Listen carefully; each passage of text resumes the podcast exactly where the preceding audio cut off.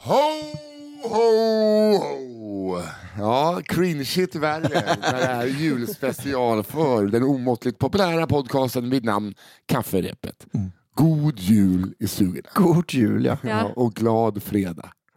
Ja, Ja. verkligen. Och det är julafton idag. Ja. Väl? Det är det, det, är det verkligen. Jag kan matematik. Ja, det är Jo, men det måste det vara. Det får det vara. är julafton. Det är julafton! Fy fan vad gött. Fy fan vilken grej att vakna upp till. Ja, det Alltså, här. där I strumpan ligger ett sånt jävla guldavsnitt av kafferepet. Verkligen. God fucking jul! Ja, ni lyssnar alltså på Kafferepet med mig Nissa Hallberg, Albin Sårman Olsson och på länk den covidsjuka Johanna Hurtig Wadrell. Yes, hej. Wagrell. Hon som säger äh, det här är över nu. Nu är jag förkyld och rör mig bland folk. Får covid direkt. Hur mår du Johanna? Eh, Jag mår bra. Ja, bra. Jag, eh, frisk jag vill bara, alltså det här avsnittet kommer ju ut, så jag vet inte vad jag gör exakt när det här avsnittet kommer ut. För jag sitter, imorgon måste jag vara eh, symptomfri Just för det. att få fira jul med min familj. Ja. Eh, men det ser, det ser bra ut Ja. för att det skulle kunna bli så. Jag är lite, lite hes bara. Och man känner också så här att du kommer se till att du är symptomfri.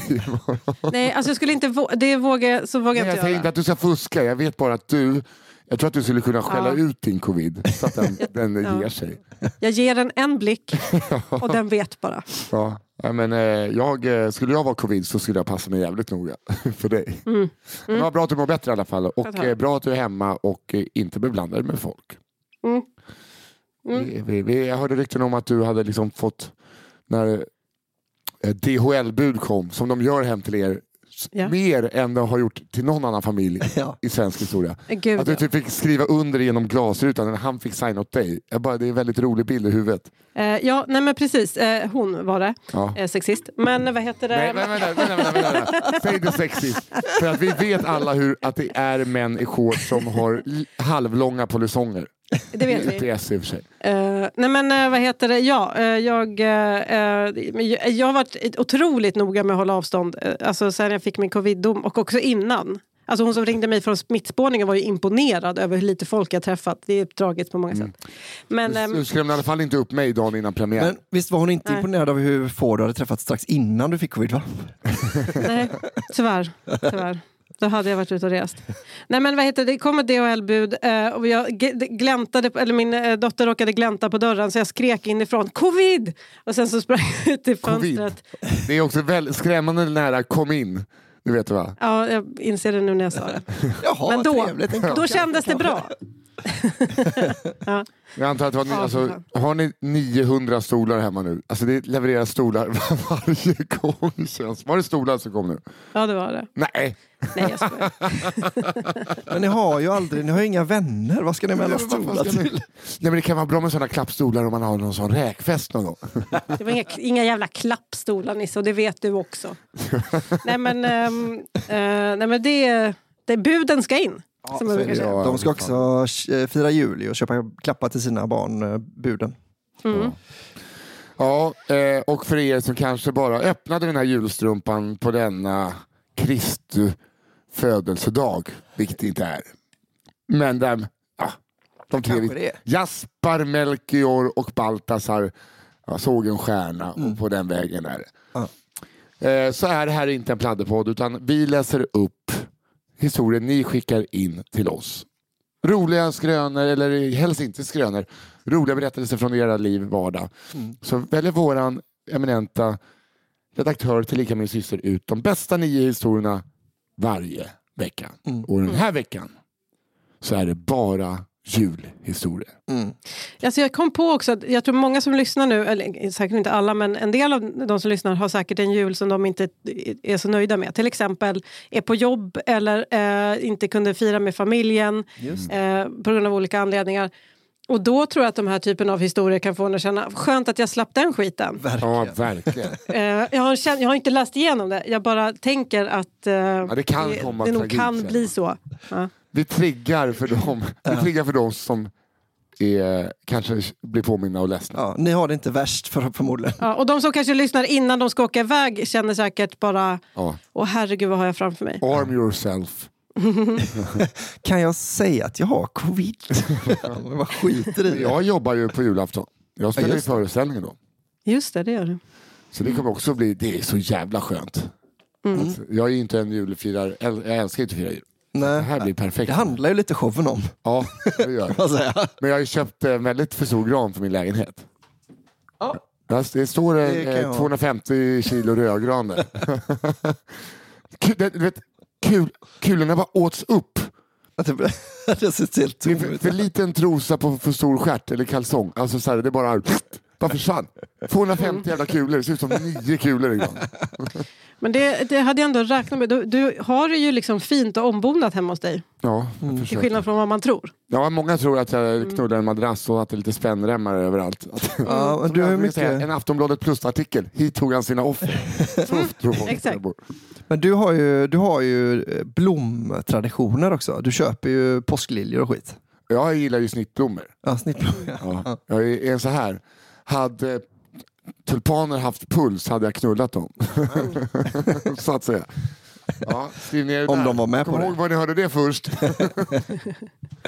Nej, men ska vi dra igång Ja. eh, det här? Det tycker jag.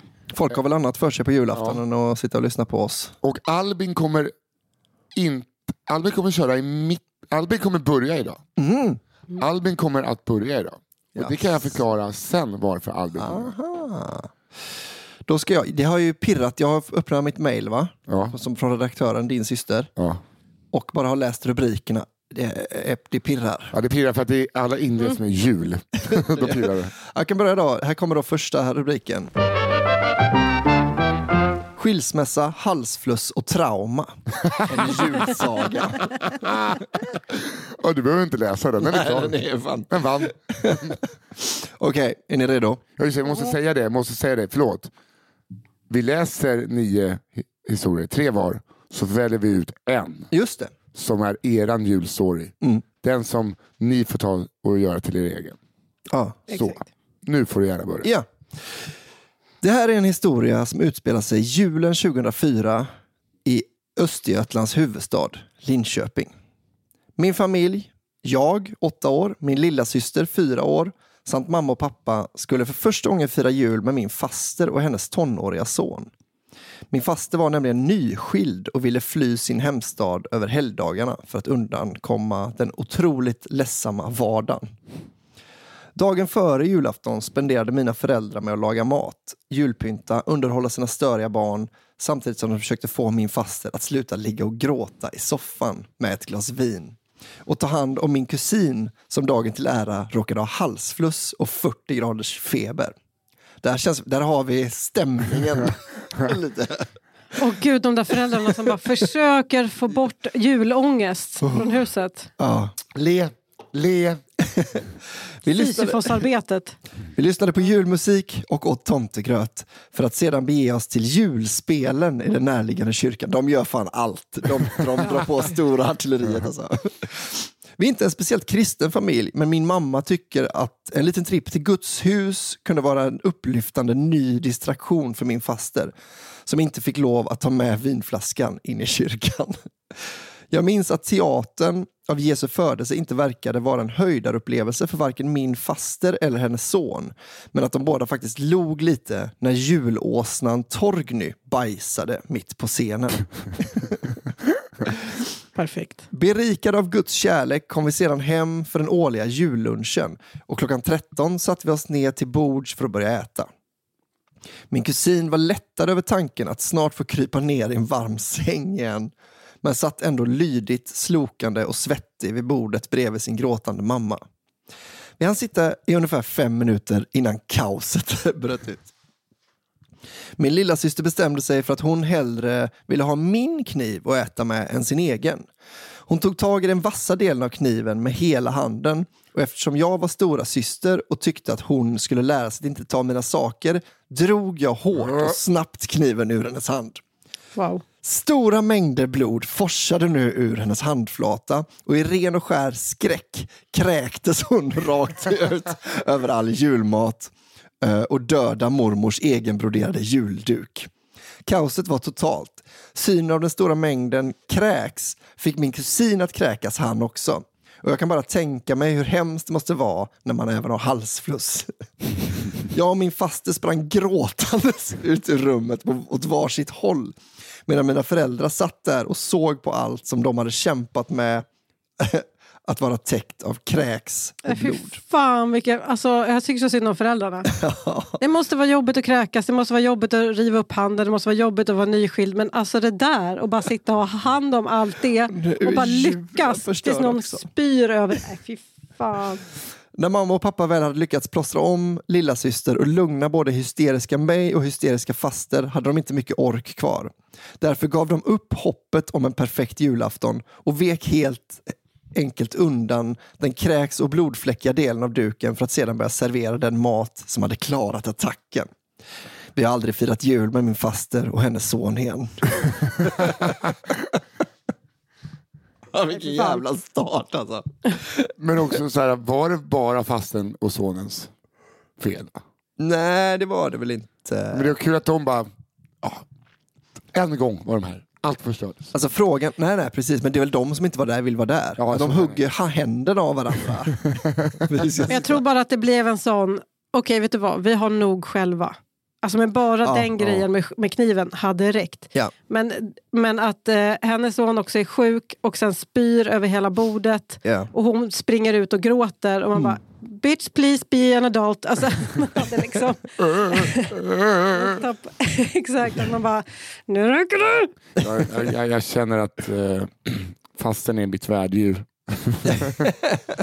Ja, man tycker otroligt synd om henne också faktiskt. Fantastiskt. Åh gud, ja, men otroligt eh, bra början på det här. Men Alltså, Mm. Så härligt att vi har åtta julstories kvar. Mhm.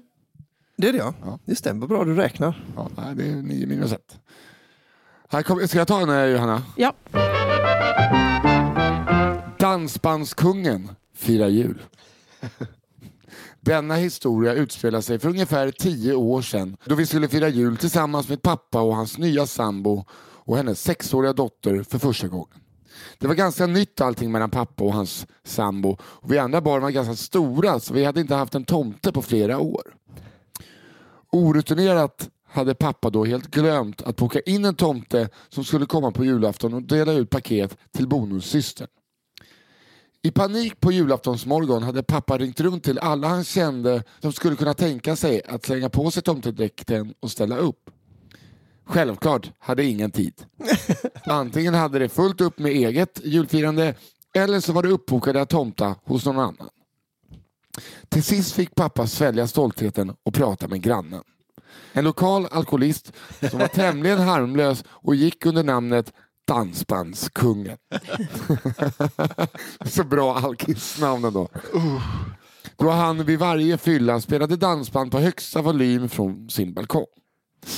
Okej, det var alltså inte en bänklagare utan det var...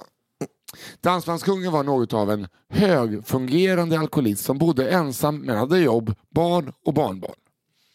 Pappa tänkte att det borde vara ganska lugnt ändå att fråga honom då han ändå skulle fira jul med sin egen familj och därför borde hålla sig nykter. Okej.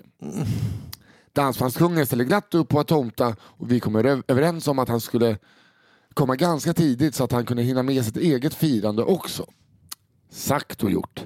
Satt vi alla förväntansfulla och väntade och väntade. Ingen tomte dök upp och tiden gick. Till slut, en halvtimme efter avtalad tid, bankade det på dörren. In kom en tomte som var allt annat än nykter. Pappa försökte släta över det hela med ett skämt om att han var sen för att han hade fått problem med renarna varav tomten svarar Vilka renar? Skoterjäveln startar inte. Ja, vi är självklart uppe i Norrland. Tomten raglar in i vardagsrummet där bonussystern väntar förväntansfullt.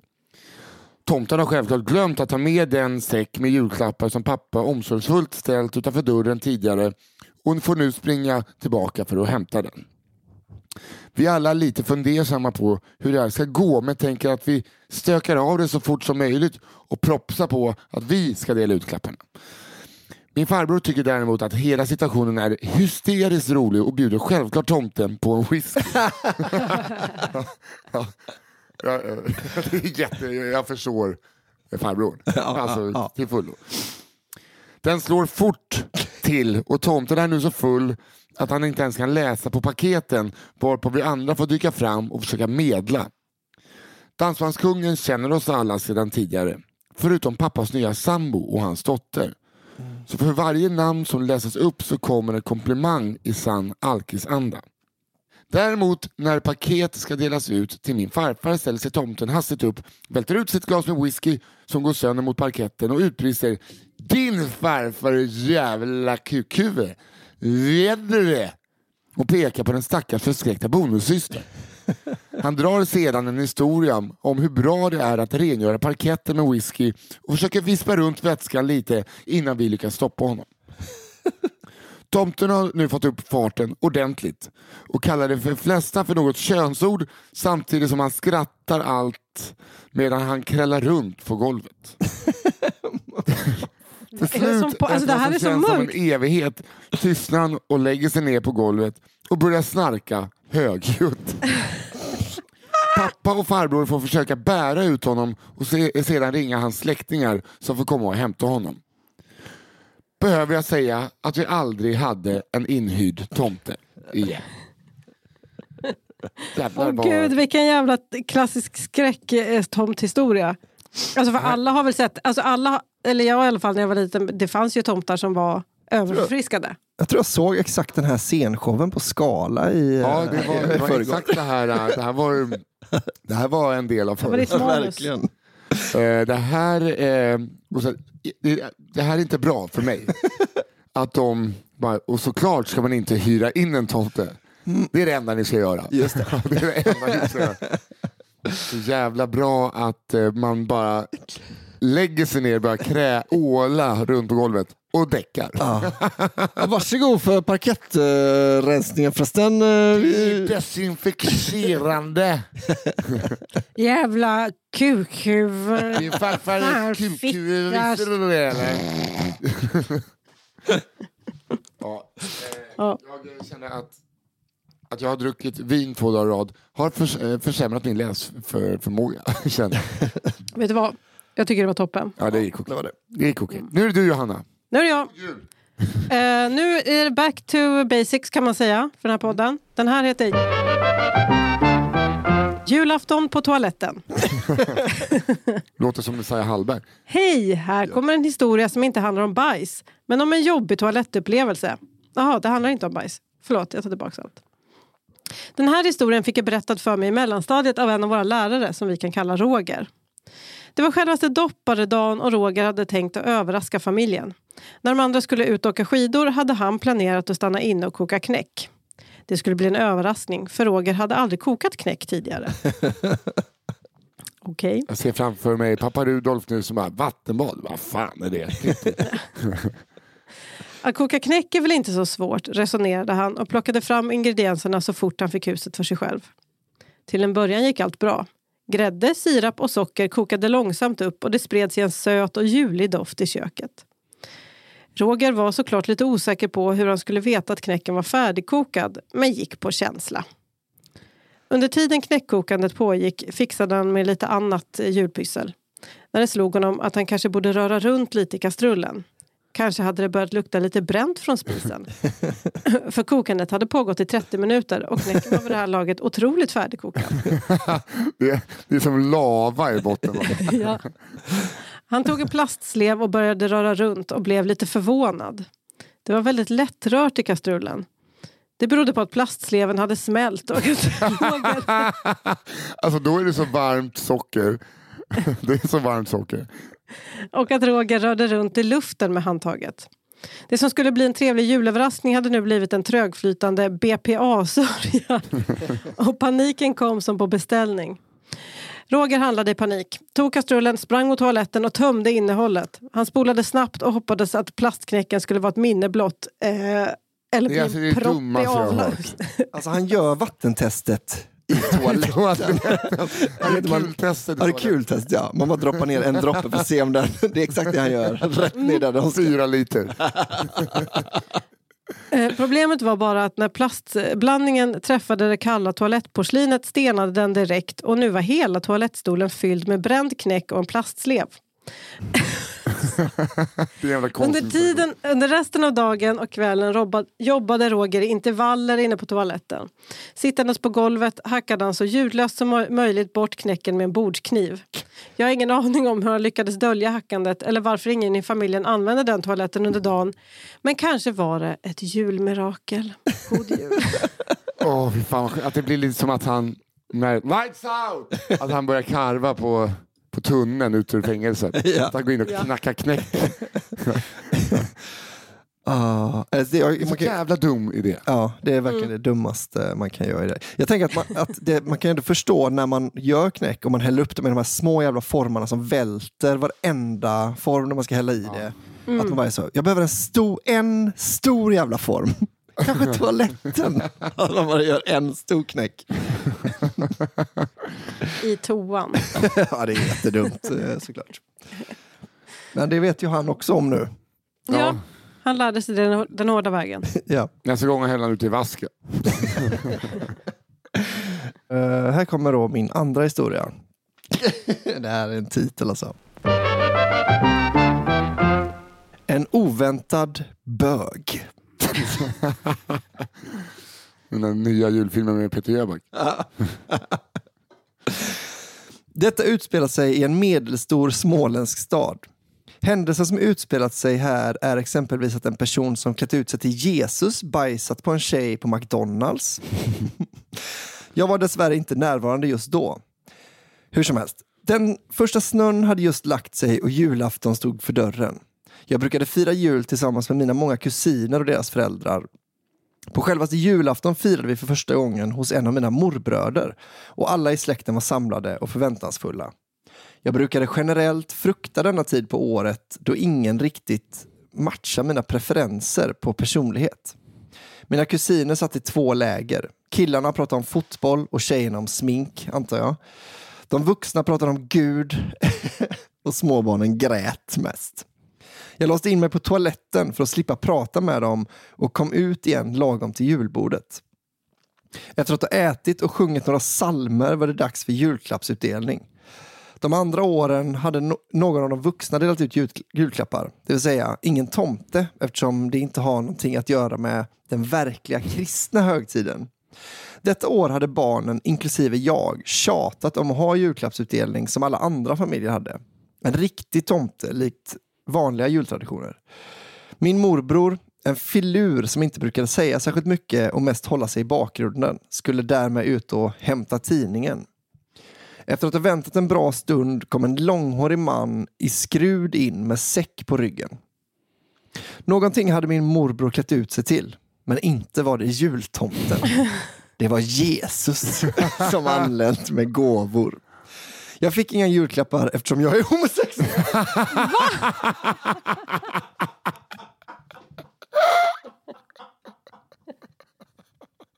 I en bisats. Men... Okej, jag fick inga julklappar eftersom... Det är så jävla mörkt. Alltså. Oh, fuck you Jönköping. Jag fick inga julklappar eftersom jag är homosexuell, men de andra barnen gladde sig åt klappar utdelat av självaste sonen. Förvånansvärt nog blev ingen besviken. Medan de andra lekte med sina ny, nya leksaker gick jag och låste in mig på toaletten igen. När jag stod där och grät för mig själv tänkte jag att jag kunde fördriva tiden lite genom att titta i badrumsskåpen. Jag hade trots allt knappt varit hos min morbror förut. Skåpen var mest fyllda av inte särskilt märkvärdiga saker, en rakapparat, tvålpaket och krimskrams. Men längst in kände jag något märkligt. Något gummiaktigt och stort. När jag drog ut den såg jag att det var en svart ådrig dildo. Min morbrors dildo. Döm om min förvåning när min helkristna morbror, som jag trodde var starkt fördömande mot homosexualitet och promiskuösa akter, precis som resten av släkten, hade en dildo i sin ägo. Jag antar att de flesta inte är som man tror att de är. Det hade inte behövt betyda mer än ett gott skratt från min sida, men historien är inte slut här. Det knackade på dörren, jag la tillbaka dildon och öppnade. Det var min morbror, fortfarande utklädd till Jesus. Han frågade om han fick komma in och med sig hade han en säck. Han låste dörren, satte sig på badrumsgolvet. Förlåt. God jul, sa han och gav mig en julklapp och en flaska stark glögg från säcken. Nej, började- vad fint. Nej, men jag börjar typ gråta nu. Det här är så fint.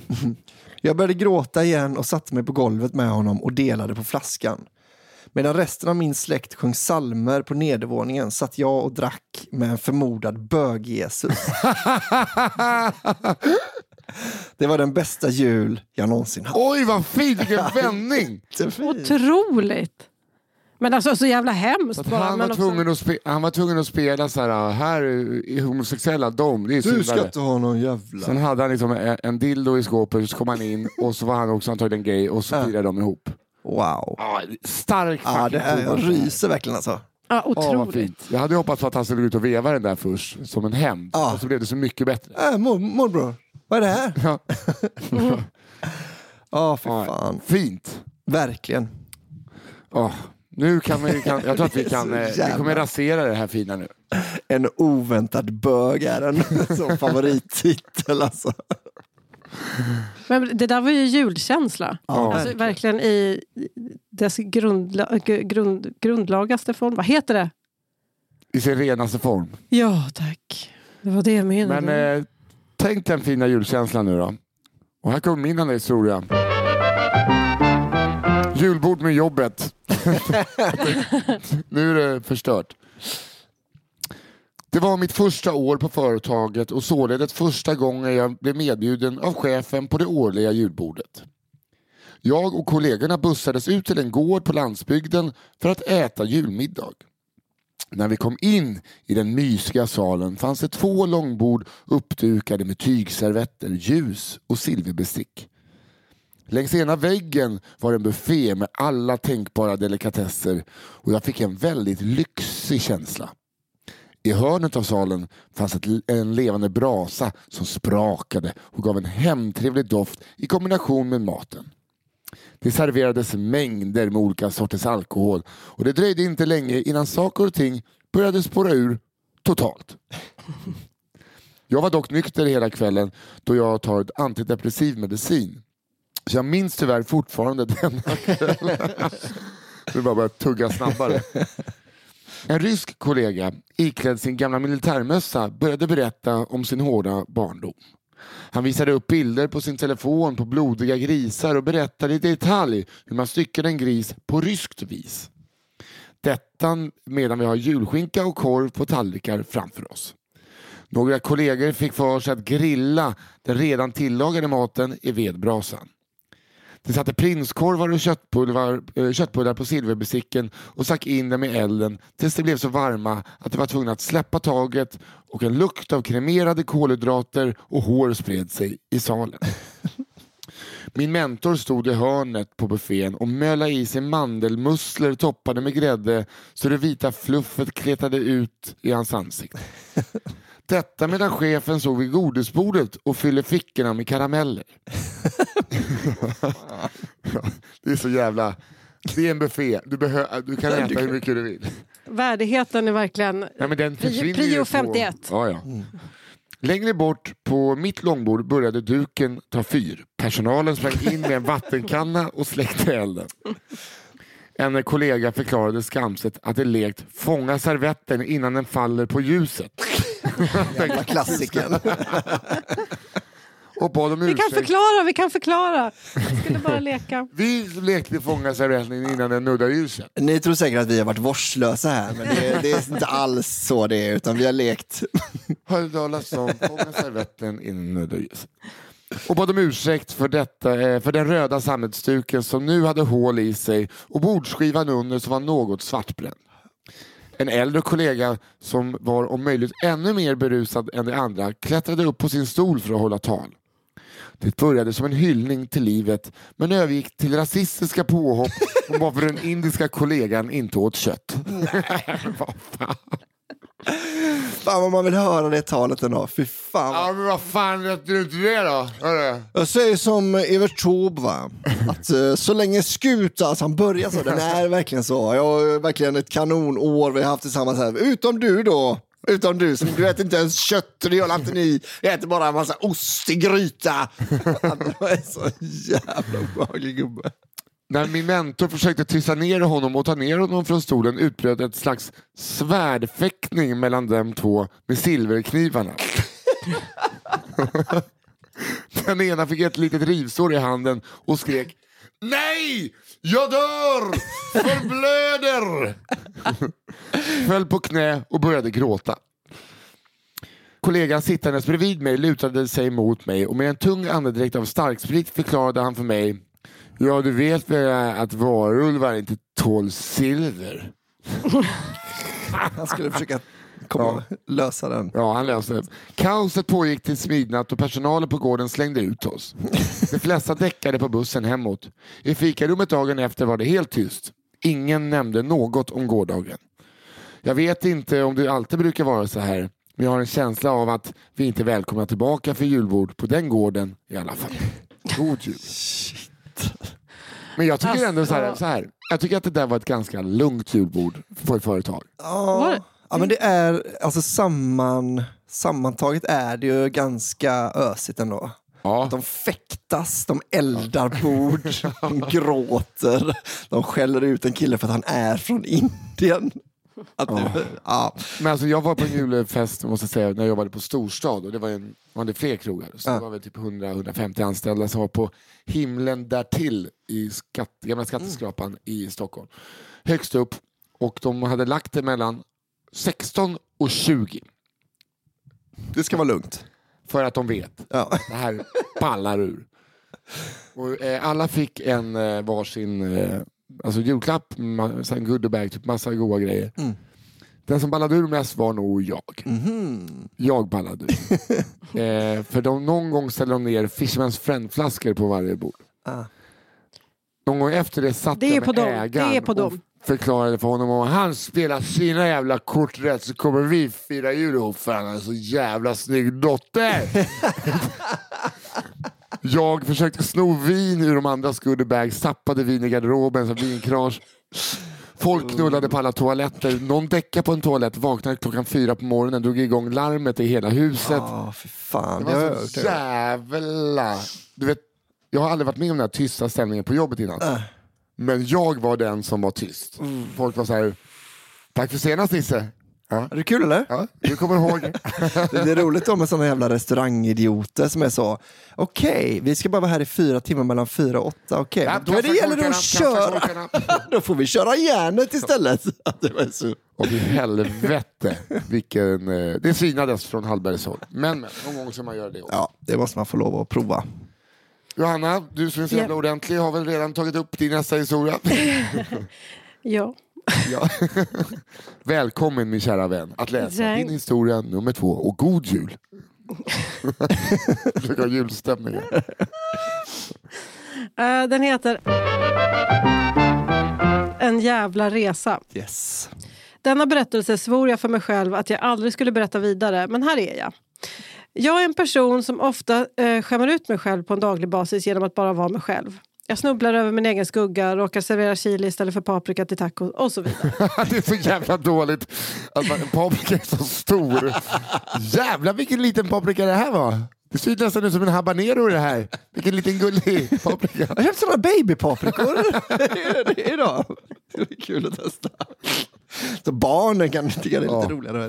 Åh gud, äh, vilken stor chili. Det var inget tryck i den här pico de gallo. Ja, men du vet, de, de små är starka. Du kan tänka dig hur starka de stora är. Ja, förlåt. Va? Nej, jag Nej, bara förlåt. att eh, avbröt. Eh, men detta är det värsta jag varit med om. För några år sedan jobbade jag som au pair i Dublin. Jag hade ett gött tjejgäng som jag lärt känna och eh, umgicks också med en kille som jag var nära vän med som jag börjat få känslor för. Vi kan kalla honom Erik. Jag trivdes så himla bra i min värdfamilj. Livet rullade på helt enkelt och jag tänkte shit, den där klantiga tjejen kanske har vuxit till en förnäm kvinna som man ser i alla Hollywoodfilmer. Så fel man kan ha. Och gud, när man, när man tänker den tanken då vet man, nej det har hon absolut inte. Nej, så jag tänkte Det är precis. liksom första.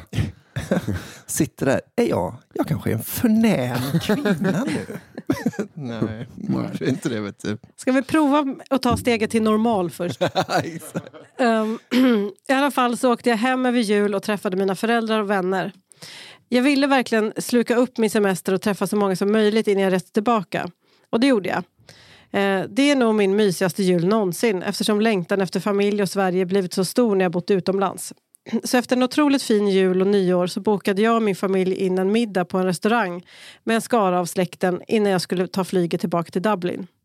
Det var lite vemodigt att säga hej då, men jag var ändå glad över att komma tillbaka till mina vänner och speciellt Erik. Väl på flyget började jag känna mig konstig.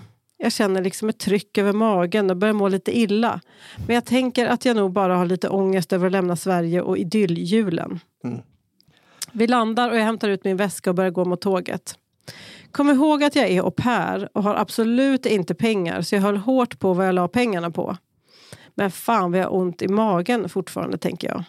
Så jag köper något att äta för jag tänker det måste ju vara hunger. Men- Jag tar även en stor kopp kaffe för jag vill pig- pigna till lite. Men vad i blivit runt- helvete. Har du aldrig hört talas om ont i magen innan? Det kanske var all måste chili i vara all paprika jag ätit. Eh, det har blivit runt 23-tiden nu. Jag tar en tugga av den fesna mackan och en stor klunk kaffe. Lite bitter över att ha behövt lägga pengar på mat när jag nästan precis ätit en stor middag med släkten. Då händer det. Jag känner hur jag måste spy och springer till närmsta toalett. Väl där kommer det ut ur både röv och mun. Jävlar vad dålig macka tänker jag. Jag sitter på toaletten i nästan en timme eh, när jag ser att mamma skrivit ett sms. Mår du bra? Pappa har bajsat ner en pizzeria i stan. Fan vad hungrig familj det verkar vara. Och han, har också köpt, han har dragit han har också köpt en macka. också en slags macka. Ja. Varm macka. Tror det är något eh, virus från restaurangen. Helvete tänker jag. Jag ska ju på ett tåg jag redan betalat för som tar två och en halv timme hem. Det är också kul att man hör hur jävla snål hon är. Ja. Ja, man har ju panik över pengar när man är i den situationen. jag vet hur det där är. men Hon är inte snål. Eh, Hon kanske är fattig bara. Det är inte som att man har råd att köpa en ny biljett. Nej. Jag Eh, Jag ringer mamma och hon skriker på mig att jag måste ta en taxi såklart. Nej, säger jag. Jag har ju redan betalat för tågbiljetten och taxin blir närmare 500 kronor. Jag tar en beslutsam titt i spegeln och säger att eh, det ska gå. Väl på tågstationen känner jag att jag måste spy och ber om en påse från en liten godisbutik. Kvinnan i disken är fruktansvärt oförskämd och säger att om jag mår så illa kan jag väl inte åka tåg och, kan jag inte åka tåg och ger mig sen en papperspåse för det var det enda de hade. Där står jag och ser framför mig hur jag sitter på ett fullproppat tåg med all min packning och spyr över hela golvet. Det går inte, jag måste ta en taxi. Stackars taxin. Eh, jag måste hem för jag kommer skita ner mig och det är bara att acceptera. 500 kronor är värt ändå, säger jag till mig själv. Så med en dimma går jag nu ut till taxiparkeringen och hittar snabbt en som är redo att åka. Jag sätter mig och säger att jag mår väldigt illa och den snälla taxichauffören säger att nu vet inte jag, hon är i Dublin. There's water in the back. Eh, If you want some, eh, let's get you home safe and sound so you can rest. Så fin ju, Ja, Ja. verkligen. Säkert en våldtäktsman. Ja. säkert. Eh, nej, eh, det var inte jag som sa det, det stod så fin ju. Jaha. Jaha. Eh, Du är Eh, med. Men jag kan hålla med om uttalandet, absolut. Eh, när vi kommit en bit blir allt suddigt och jag behöver spy. Jag säger det, men det är så stor väg att han kan inte köra till sidan eh, och jag kaskadspyr i påsen. Den jävla papperspåsen. Såklart höll inte den och min spya gick rakt igenom. Nej. Chauffören ger mig en plastpåse från framsätet och rullar även ner rutan. Luktar så jävla äckligt. Det är nu cirka 20 minuter kvar tills jag är hemma och jag känner att andra vägen, om ni förstår, behöver lätta på trycket. Jag håller med verkligen allt jag kan, men röven vinner. Jag känner hur det blir varmt i hela sätet och spyan rinner ut över hela golvet. Jag mår så dåligt nu. Jag känner mig som den vidrigaste människan på planeten. Men där ger jag upp. Jag kapitulerar. Jag kunde inte vinna över spya och bajsets starka kraft. Chauffören frågar fint. Are you okay? Is it in, in the bag I gave you? Uh, yes it is. So, so sorry for the smell, säger jag. Det är väldigt mörkt nu, så snåla idiot. Jag tänker att han kanske inte kommer se spyan och bajset så jag bara behöver betala 500 kronor. Gud vad taskigt. När vi äntligen är framme kommer mina värdföräldrar ut och ska betala då jag skrivit till dem att jag är sjuk och spytt i taxin. Jag kliver ut med den söndriga papperspåsen, plastpåsen jag fått av honom med minimal spya i och ingen värdighet. Han kommer bak till mig efter att ha tagit ut resväskan från bagageluckan. Hela hans ansikte förändrades. Oh my god! det blir en hemsk tystnad innan han drar igång. Oh, it's everywhere! On the seat! Oh my lord, this is not enough money. The floor, I, and I have to get this to the... And the smell! Uh, I'm so sorry. I will pay whatever you want. I just had a holiday in Sweden. men vad fan. Han var minst sagt förbannad. Mina värdföräldrar hjälpte mig upp. Jag duschade av mig och eh, jag la sen låg sen magsjuk i fem dagar. Ah, Hela förödelsen gick på 1400 kronor. Det var ju inte... Det är billigt. Nej, det var billigt. Det var billigt. Fan, alltså, om någon skulle Eh. säga så här, eh, du får skita i min taxi för 1 och 4, då hade jag sagt Ja. så här, nej du ska ha 3000. alltså, för det här Kom varje morgon klockan 10. hade det varit så billigt hade jag inte gjort annat. Ja, fan, alltså att rekonna en jävla, liksom, det där sitter ju väl. Ah. Men det värsta var inte över. Va? Jag var tvungen att prata med någon om detta så jag ringde min bästa vän Moa och berättade. Eh, men hon svor att ta med sig det till graven. Några veckor gick och jag och Erik hade kommit väldigt nära varandra men ingen hade vågat ta steget. Mest flörtande fram och tillbaka. En kväll sitter vi på en pub med ett gäng från hans skola och jag tänker att snart blir det vi. Nu har han presenterat mig för sina vänner och ikväll kysser han mig. En i gänget tar över konversationen. Guys, you have to hear this story and since you're uh, Swedes maybe you know this poor girl. Ha ha ha ha. Hon fortsätter med att berätta om en stackars tjej som bajsade ner en taxi på väg hem från flygplatsen, a.k.a. jag. Så där sitter jag och försöker se ut som vanligt och skrattar lite. När jag och Erik sen går hem till honom och frågar mig om det inte kanske är så att det är jag som historien handlat om.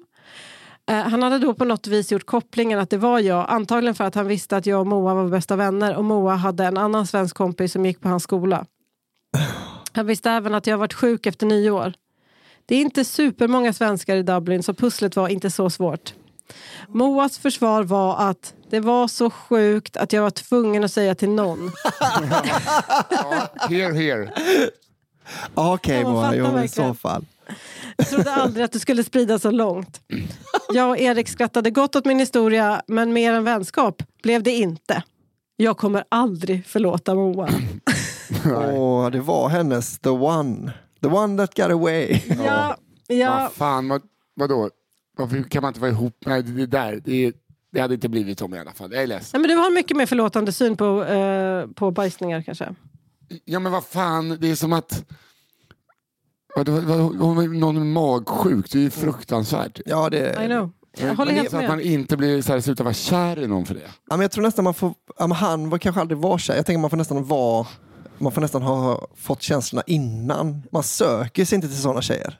Nej, eller vadå, vad fan. Det är liksom, ja, men du, du tänker lite som att eh, om du, du sätter inte på dig sömnapné-masken efter ett one night. Man, den sätter man på sig när man har gift sig. Precis. Ja, lite ja. så. Man måste, Lite få, så. Man, måste fånga, man måste fånga någon innan man skiter på sig en men jag menar, man- man skriver, ju, man skriver ju inte det i sin Tinder-bio. Skit ner mig i en taxi. Blir jag. Men då får man inga träffar ju. Och Röven de man vann. får, de vill man inte Röven vann. Vill du veta mer? Slida in i DMs. Röv. ja, för fan. Ja, jag eh, är väldigt välskriven. Jag, jag Mm. satt verkligen också i den taxin och kunde inte hålla mig. Eh, nej, alltså hörde. panik hade man ju. Okej, eh, nu kommer min historia då. Eva-Lena. Min mamma, 12-åriga jag samt mina systrar, då 2 och 13, åkte till morfars bror med familj för att fira julafton. Även morfar och hans fru Eva-Lena var med. Aftonen inleds med det traditionella julbordet. efter vilket både barn och vuxna avnjuter en savarin. Tänk sockerkaka dränkt i fruktjuice smaksatt med rom. Fast om man skippat fruktjuicen helt. Redan här kan vi ana nivån på och rimligheten i släktens alkoholvanor. När julklapparna är öppnade och tvååringen däckat, obs ej av sprit, i en hög med presentpapper följer min syster och jag med den 15-årige sonen i familjen in på hans rum för att spana in den nya VHS-rullen han har fått av tomten. Det var en film som hette The Matrix. Åh, 1999. Men alltså den hade jag på DVD. Det kanske var precis i, i brottet där då. Ja, jag hyrde den på VHS. okej, ja. Gjorde. Och vi, vi tre satt som hänförda. Givetvis spolade vi tillbaka bandet och såg om filmen direkt efter att den stenhårda låten i eftertexterna tagit slut. Mm. Killing in the name of. Är det det? Är inte det? Ja, kanske. Det är Rage i alla fall. Ja. Kanske Bullies on Parade också. Vi märkte inte ett skvatt av det utanför tonårsrumsdörren eh, fortsatta julfirandet. Inte när savarinen åkte fram igen. Denna gång skippades även själva kakdelen. Det är så kul att fortfarande kalla det för, en kaka. Savari. Jag ska nog skala lite mer savari, glas savari. Halsa rom bara.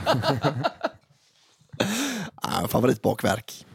Och inte heller att morfars fru Eva-Lena hade byxorna ut och in när hon efter ett toalettbesök hade ans äh, åter anslöt sig till firandet. Men också att hon är en sån som tar av sig hela byxan. Ja. ja, det är så jävla roligt skämt i The Office ju. Att det är, så här, eh, att det, det är svårare med att gå på toa. Jag hinner inte gå på toa va? Så bara, det tar väl inte så lång tid. Så får du liksom, liksom torka sig och gå på toa. Tvätta händerna. Det är inte det som tar lång tid. Det är att knyta slipsen. Han tar av sig helt butt naked. När det var läggdags blev jag av oklar anledning hänvisad till en fåtölj. Men eftersom barn är gjorda av gummi och eternit brydde jag mig inte nämnvärt om det utan kurade ihop mig och sov mycket gott. I bilen på vägen hem nästa dag förklarar mamma för oss barn att det blir inga fler jular med släkten. Turligt nog har jag en mor som värderar skvaller högt och barns rätt att slippa exponeras för vuxenvärldens baksidor lågt, varför vi också fick höra anledningen till detta drastiska beslut. Morfars fru Eva-Lena hade blivit berusad. Så där ber- berusad som bara en härdad skåpsuperska kan bli. Där vanligt folks kropp hade lagt av för länge sedan. I sin jakt på toaletten som låg så förrädiskt gömd där mitt i hallen hade Eva-Lena först tagit sig in i det från golv till tak höga glasterrarie i vilken familjens nyopererade leguan Lisen bodde. Den jävla galenskapen after shave-mening. Lisen var försvunnen.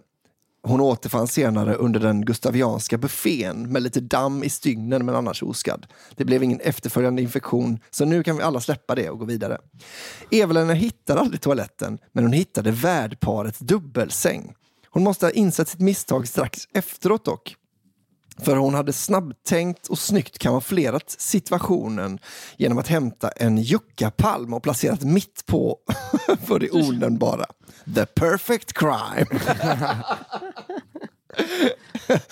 Jag har i vuxen ålder fortfarande ingen vidare kontakt med Eva-Lena och sist hon ringde hotade hon eh, med att göra mig arvlös om jag inte kom och hälsa på. Det är dock ingenting som oroar mig, då jag väl minns den gången hon lyfte upp sju eller åttaåriga mig i sitt knä, smekte mig över håret och anförtrodde Du är min favorit Pernilla och du ska få ärva allt. Jag heter alltså inte Pernilla. Vilken jävla tant alltså. du ska få ärva allt. Ja, så att eh, hon sker på sig och ställer julklappar. Eller är det jag som är dum i huvudet? alltså hon gick in på, på det, i deras, bo- i deras Ja, sovrum sovrum. då och sket. Sket Förmodligen sängen. på golvet. Ja. Ställde, Först släppte hon ut leguanen och sen gick hon och sket i sängen. Sen ställde hon en Ja. juckapalm på det. Men också det Och, perfekta eh, med att rycka upp den ur krukan så att jorden... Nej, det måste bara vara jord. Ja, det är nog bara jord. Synd att juckapalmen välte på, mitt på sängen Men bara. det är synd också att det, alltså, jord luktar bajs. Ja, för fan. Åh gud, Eva-Lena ändå for the win. Okej, här kommer min sista. julgäddan och bastun. Julgäddan? Ja, kan det bli kneller här eller någon paté kanske? Kanske det. Ragny lyfte ur den förbannade julgäddan ur ugnen och ställde den på sin plats på julbordet. Okej, eh, är det den starkaste starten jag har fått? In medias res. När som helst skulle släkten komma. Allt var förberett till perfektion. Hela december hade Ragni vikt åt att baka julgodis, laga julmat, städa och tvätta. Hela den nya 70-talsvillan badade i ett juligt skimmer. Det var äntligen julefrid. Äldsta sonen var hemma från studierna i Umeå över jul och nu skulle Ragni äntligen få slappna av och umgås med nära och kära i sann Christmas spirit. Ragni gick igenom checklistan i huvudet en sista gång. Glöggen varm? Check. Julbordet dukat? Check. Snapsen på kylning? Check. Samtliga familjemedlemmar hade tagit sin obligatoriska juldusch och klätt sig i de julkläder Ragni förberett kvällen innan. Ja, eller nästan alla i alla fall. Gerald hade envisat med att ha på sig den djupblå julslipsen med röna, röda och gröna lastbilar han fått av arbetsgivaren på Volvo lastvagnar. Gerald, ja. Var befann han sig egentligen? Ragnar hade inte sett sin make på ett bra tag. Hon kände hur irritationen snabbt tilltog när hon tänkte på honom. Skitsamma, han sitter väl någonstans och kommer i julstämning, tänkte Ragni och försökte vifta bort sin make ur tankarna. För att förstå Ragnis julirritation lite bättre hoppar vi tillbaka till en lördag två veckor tidigare. Ragn hade då gått in i villans badrum för att tömma blåsan. Huset hade varit helt tomt hela förmiddagen och Ragni hade ägnat sig åt lussebak. Dottern hade just kommit hem och Ragnhild tänkte ta lite egen tid och läsa hemmets journal bakom badrummets låsta dörr. Just som hon satt sig till rätta och börjat slappna av hörde hon ett plaskande ljud. Hon tittade upp och lade, äh, lade märke till att duschdraperiet dolde badkaret. Hallå? Gerald? Frågade Ragnar i riktning mot badkaret. Men ingen svarade. Konstigt, tänkte Ragni och kände en klump av oro i bröstkorgen. Hon reste sig upp med byxorna runt fötterna och böjde sig hukande mot badkaret för att dra undan duschdraperiet. Satan! Ragni hoppade till och höll på att snubbla på sina nerhalsade byxor. I badkaret låg en stor jävla gädda och liade. Hon visste direkt vad det skulle innebära. Precis som Ragnar omedelbart insett skulle familjen under halva december få skita bredvid en gädda och duscha på Geralds arbetsplats. Va? Jag vet inte. Han råkat dra upp den för tidigt. Så åter till julafton och Ragnis lätta obehagskänsla inför det stundande julfirandet med släkten. Hon kunde inte sätta fingret på vad obehaget grundade sig i. Julskinkan var klar. Samma med den jävla julgäddan. Snapsen var ju kall och välkomstglöggen stod på värmhållning. Men vad gjorde Gerald? Nu kunde Ragni höra sin svågers Volvo rulla upp på den grusade uppfarten. Igen en lätt obehagskänsla i magen. Eller var hon bajsnödig? Julstöket hade förvisso gjort sitt till att Ragnhild skulle få sin återkommande julmage som antagligen skulle lösa sig i mellandagarna som vanligt. Hon hann precis få upp minnet av fjolårets julslambil då en kraftig smäll följt av ljudet av fallande stenar ekade från källaren. Va? Vänta nu. Nu, måste, nu händer det så mycket i mitt huvud. Hon, hade precis, hon hann precis få upp minnet av fjolårets julslambil då en kraftig smäll följt av ljudet av fallande stenar ekade från källaren. Ragnhild kände ett isande obehag i kroppen och sprang ner för källartrappan samtidigt som hon förberedde sig på det värsta. Ytterligare två smällar ekade innan Ragnhild kommit halvvägs ner till källaren.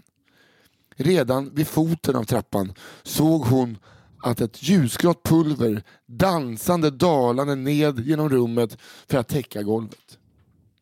Som ett stormigt vinterlandskap. Pulvret hade nått både gillestugan där kvällens paketöppning skulle äga rum och sonens gamla pojkrum som han åter inkvarterats i. Ytterligare en smäll och ett brak. Tvättstugan, tänkte Ragnhild och kände paniken växa i kroppen. Hon tänkte på högarna av sängkläder och handdukar hon gjorde ordning till gästerna samtidigt som hon stormade in i tvättstugan. Och där, i ett kaos av virvlande byggdamm med släggan i högsta hugg såg hon sin ljusgrå make stå med ett nöjt leende och glatt hälsa henne God Jul. Det var så lugnt här och jag hade en liten stund över så jag tänkte jag skulle börja med den där bastun vi pratat om. Sa Gerhard glatt med en belåten min över läpparna. Från övervåningen hördes dörrklockans genomträngande signal om att julen med släkten kunde börja. Slut. Jävla gubbe alltså. Vad händer? Klockan är kvart i ett och kanske, nej jag kan lika gärna, jag gör en, jag gör en timme nere i bastun då.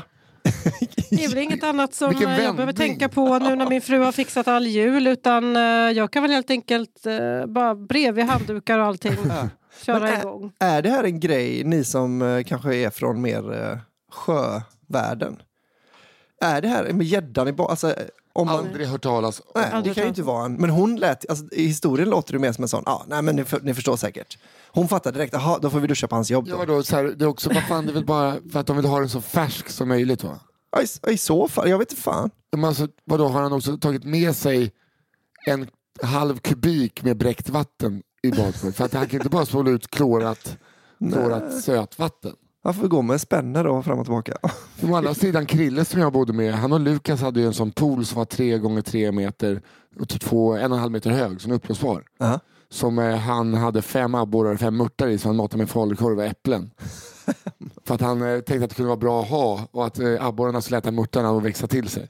Var prepper liksom. Ja, och sen blev det vinter och så frös den till is. Mm. Så tänkte jag, men om jag gör ett hål så kommer det dräneras ut. Ja, just det. Mm. Men då var det liksom 20 centimeter i botten som var vatten. Så när jag gjorde ett hål Mm. så kom det en, eh, alltså en eh, Ja, ja, högtryckssprutsstråle just det. över hela mig med ruttet fiskvatten. Så att jag fick så duscha. Typ. Det gick inte att få bort. Det var skunkstank. Det kostar Men 1200 de- spänn om du frågar en taxichaufför i Dublin.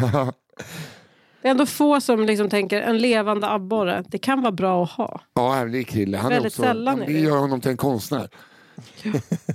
det är bara det som gör det till konstnär. Ja, nej, det är mycket som gör honom till konstnär. Men det gör honom, man förstår att han är en konstnär på riktigt när han gjorde det. Den här Rag- Ragnhild-historien, alltså den känns som att det skulle kunna vara med i Kalle Ankas jul. Liksom. Ja. Förstår ni vad jag menar? Att det känns som att hon försöker få till julstämning. Hon bara kämpar och kämpar och kämpar. Men i sista sekund så slår han sönder hennes tvättstuga. Min favorit var att eh, det som rubbade hennes ljusning var att han hade valt en djupblå slips Ja. med, som han har fått på Volvo. Jävla Geralt! Jag la fram den fina slipsen. Ja. Nej, men jag, det, jag tycker det låter jättemycket som min mamma och pappa. Att morsan hon bara lägger en månad på att det ska vara perfekt på jul. Ja. Och sen så kom- kommer farsan in, han har bara bytt olja. Han har bara bytt olja på bilen, ska tvätta händerna lite. Ja men potatisen står ju i diskon. Du tvättar ju dina oljehänder rakt ner i potatisen nu vi ska äta om, om tio minuter. Det är exakt, det är den... Går du ta om oljehänder? nej, nej, men du kan... Ja, fan andra. Det kan vara gommaren. Det kan vara gommaren. Blommare som man gör på joröst. Det är konstigt. Ja. Ja, Johanna, då har du Ja, en stor ärende att stänga denna julafton. God jul. och det gör jag med en historia som heter Släkten är värst. Ja. För snart ett halvår sedan skickade jag in en historia om den värsta Tinder-dejten jag varit på som innefattade en öde ö, kompisar och en riktigt mysig tant. Okej, Så, förväntningarna ändå nu. Ja. Oh, Helvete, det är en av mina favoriter. ja. Den här gången tänkte jag dela med mig om en minst lika hemsk men tyvärr lika sann historia. Den här historien utspelar sig en höst på västkusten i utkanten av Göteborg. Jag var 15 år gammal och detta var innan Snap och Instagram-tiden. Så det var på Facebook som jag samt majoriteten av mina jämnåriga kamrater valde att spendera sina timmar. Jag vattnade mina åkrar på Farmville som vanligt när det ploppade upp en vän för frågan. Hon hette Nemi och var lite gothig i stilen och några år äldre än mig. En väldigt spännande ung kvinna för en finnig 15-årig grabb. Så är det gothig eller goffig? Gothig, alltså som Goth, i... ja, som goth. goth. Ja. Ja. Jag accepterade hennes förfrågan och kollade igenom hennes bilder som minst sagt var vågade. Den största delen av hennes bilder bestod av hennes kropp tagen från hals ner i svarta tajta kläder. Om ni tror att jag blev mindre intresserad av henne på grund av detta tror ni fel.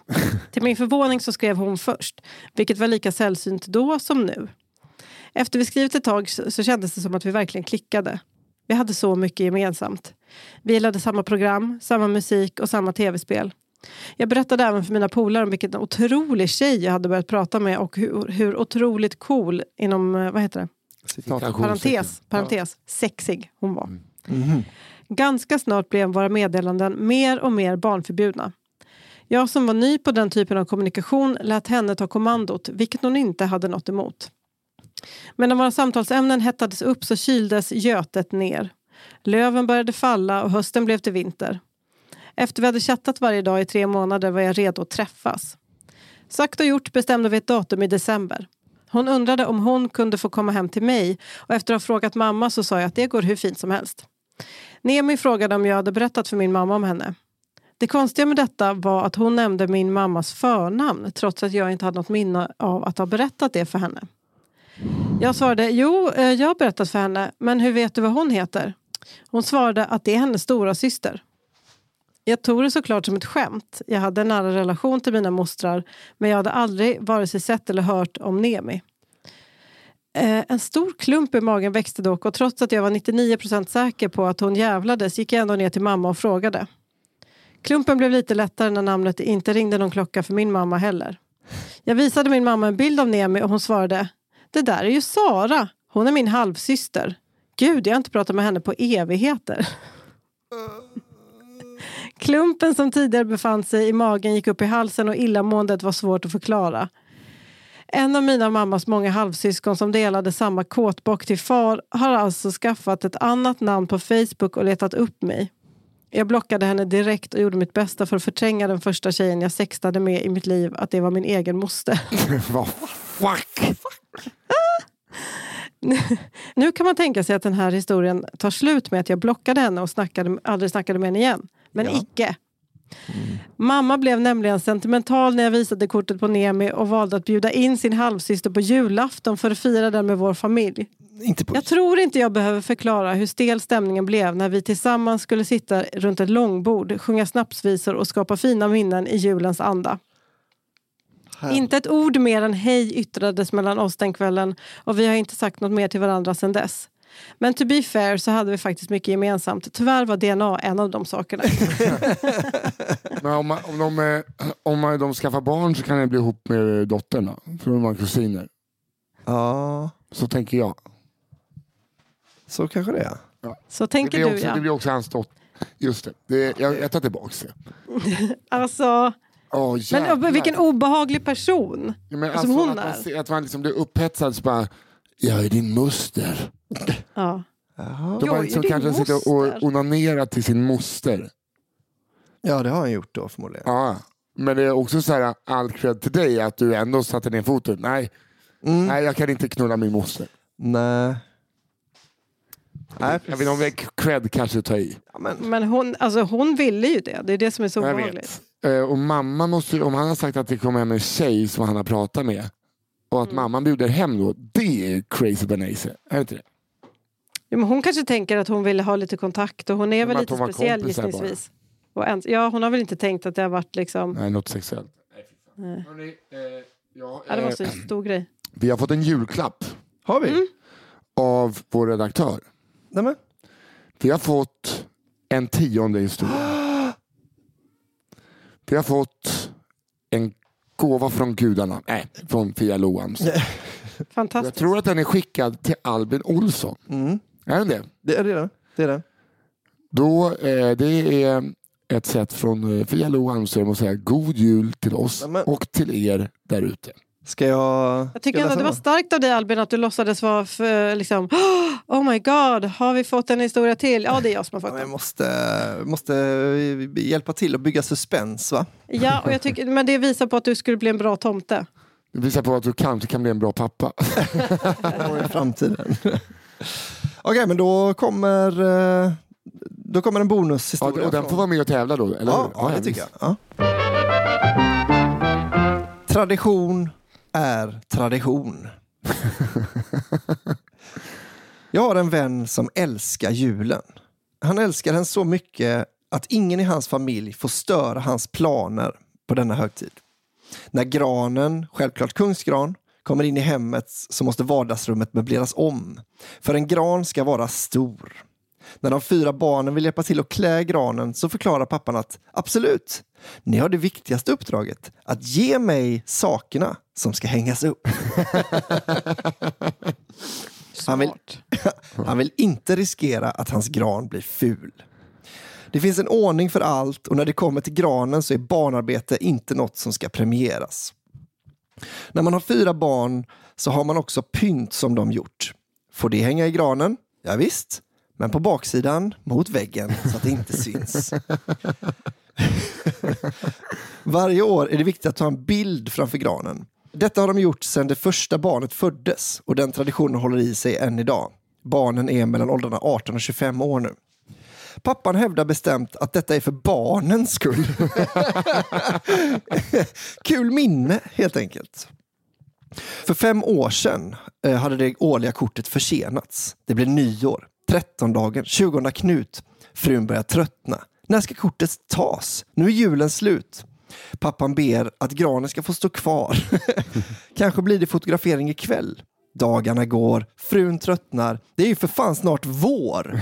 Barnen skiter i grankortet. Hon tar saken i egna händer och bestämmer att den här julen blir det ingen jävla fotografering. Hon städar bort julen. Ner med pynt i källaren, ut med granen till graninsamlingen för att sen återställa sitt hem.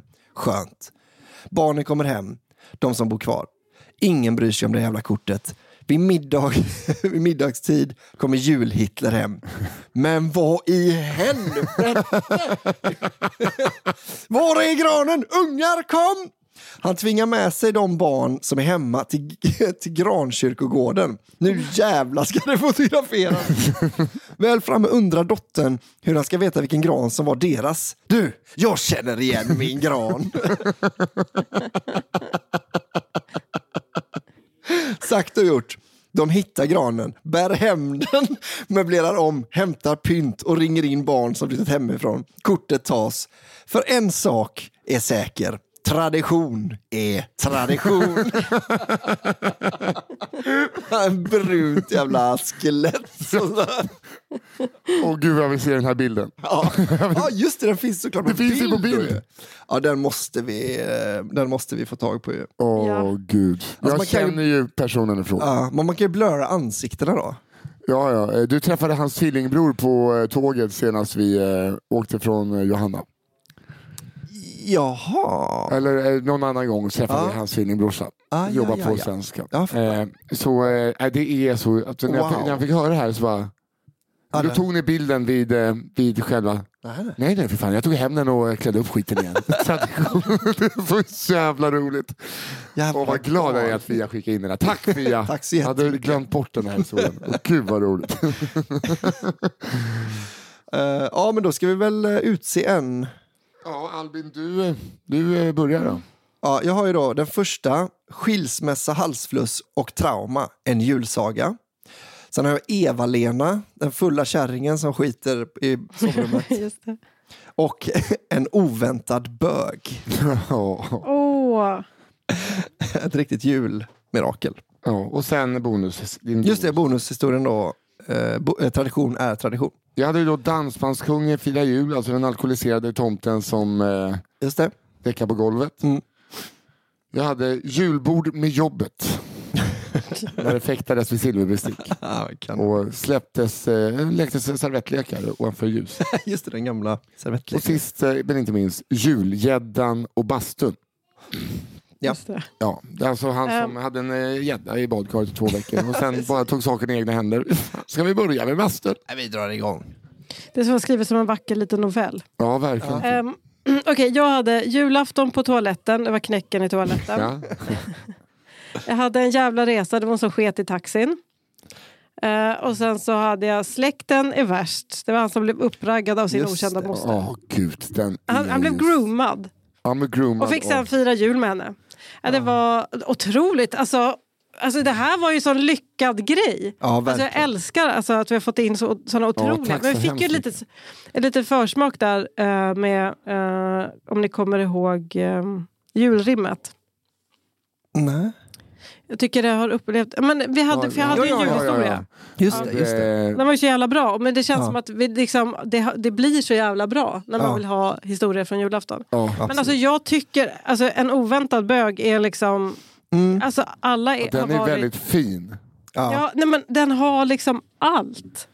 Oväntad bög, eh, otrolig och jag kommer inte ihåg vad du hade för sista Johanna. Glöm den. Släkten är värst. Alltså, han som Den, blev, den var också... otrolig. Den kan man faktiskt eh, Ja. berätta. Mm. Sen älskar jag, eh, men där är jag ju partisk, eh, ja, traditioner, tradition är ju min kära vän Mårten. som, Gud, ja. Där fick han ett namn ja, också. Det får han ta. ja, det får han ta. Det, det, är en, det är en fin historia. Men jag tror ju, alltså jag, jag, gillar, jag älskar också tradition och tradition. Jag tror, hade fotot varit med hade Ja. under, så hade det inte gått att slå. Men jag tycker också, jag, En oväntad bög. Vi kan faktiskt eh, lämna med en fin ja, historia, faktiskt. tycker jag. Jag blev ju, jag blev, ju- jag blev ju berörd av det. Ja, det blev man faktiskt. Mm. Just det där med svarta dildon tyckte jag var så fint. Ja. men det var en vändning. Man trodde att den, eh, det var en eh, Ja. höger-vänster.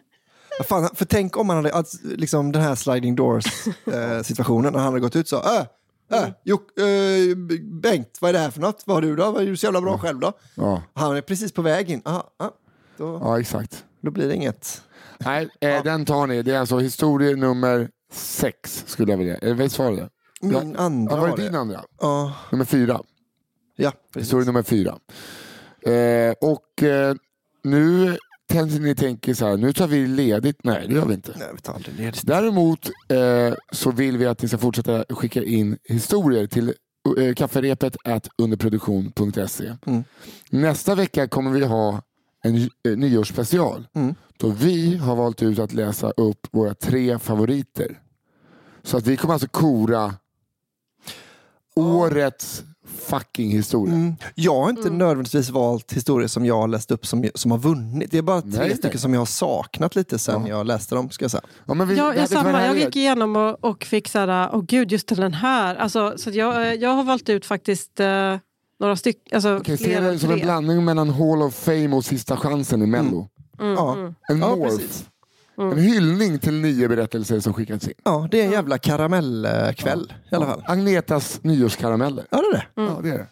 Det är det fan. Så kommer Per Andersson in bara från höger. Naken. Ja. Alltså det kanske plingar på dörren, vi vet inte. Vi hoppas inte. Nej. Eh, Det får vi verkligen kan- inte vi hoppas. hoppas. Det har inte jag tid med att bli full så här tidigt på dagen. Nej men eh, tack så, så eh, extremt mycket för att ni skickar in historier. Ja, det, tack. är, det är det Fortsätt som gör podden. Och tack så hemskt mycket Daniel Aldermark på One Touch Edit som är vår otroliga klippare. Och tack till min syster, tillika redaktör Fia Loanström för att du gör ett kanonjobb. Och tack alla som lyssnar och tack Albin Solman Olsson och Johanna Hurtig Wagrell. Och god jul på er alla. God jul. God jul. God jul. God. Hej då! Hej då.